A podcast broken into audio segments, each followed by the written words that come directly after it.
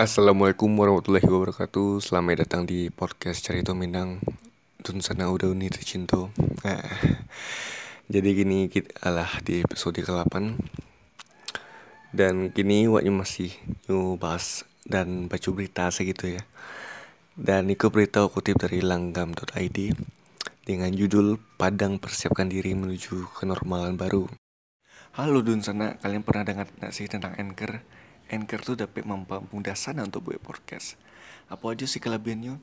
Yang pertama tuh gratis alias perai. Sudah tuh ya, Nyu ada like yang bisa membuat sana lebih mudah untuk merekam jom edit podcast langsung dari HP ataupun komputer sana. Beko podcast sana akan didistribusikan di Anchor ke platform ke podcast lainnya bantu di Spotify, Apple Podcast dan masih punya lain sana. Dan hebatnya, sana bisa dapat PT dari podcast tanpa pandangan minimum. Satu olahnya ada di tampe download aplikasi Anchor secara gratis atau buka anchor.fm untuk memulai. Langsung aja ke poinnya. Wali Kota Padang Bapak Mayaldi Ansarullah mengatakan pihaknya masih mengevaluasi sampai habis bateh PSBB jilid 3 Kamungko Meski kasus positif COVID-19 di Padang cukup banyak, namun Alhamdulillah sampai saat itu kita adalah berhasil memutus sebanyak sebalik klaster penyebaran COVID-19. Tinggal tinggal di klaster pasaraya yang tengah kita putus dan kini adalah menunjukkan penurunan kasus positif dibanding hari-hari sebelumnya. Kece Bapak Mahildi.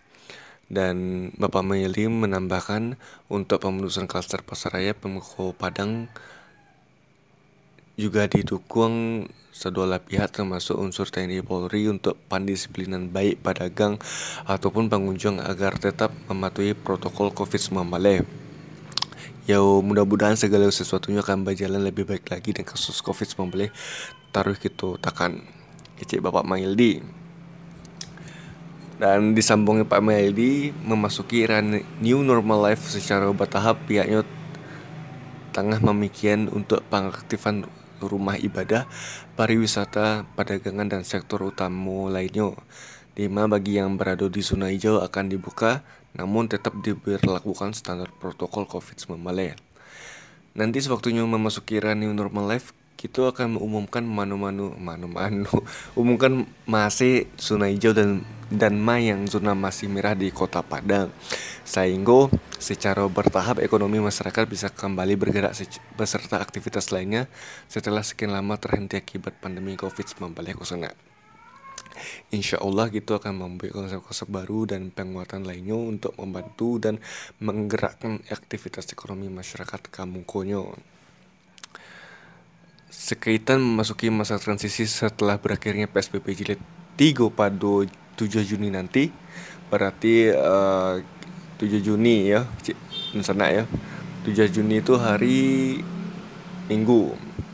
Kan itu kalduannya hari Sabtu ya tanggal 6 pihaknya saat itu adalah mempers, tengah mempersiapkan peraturan wali kota atau perwako terkait.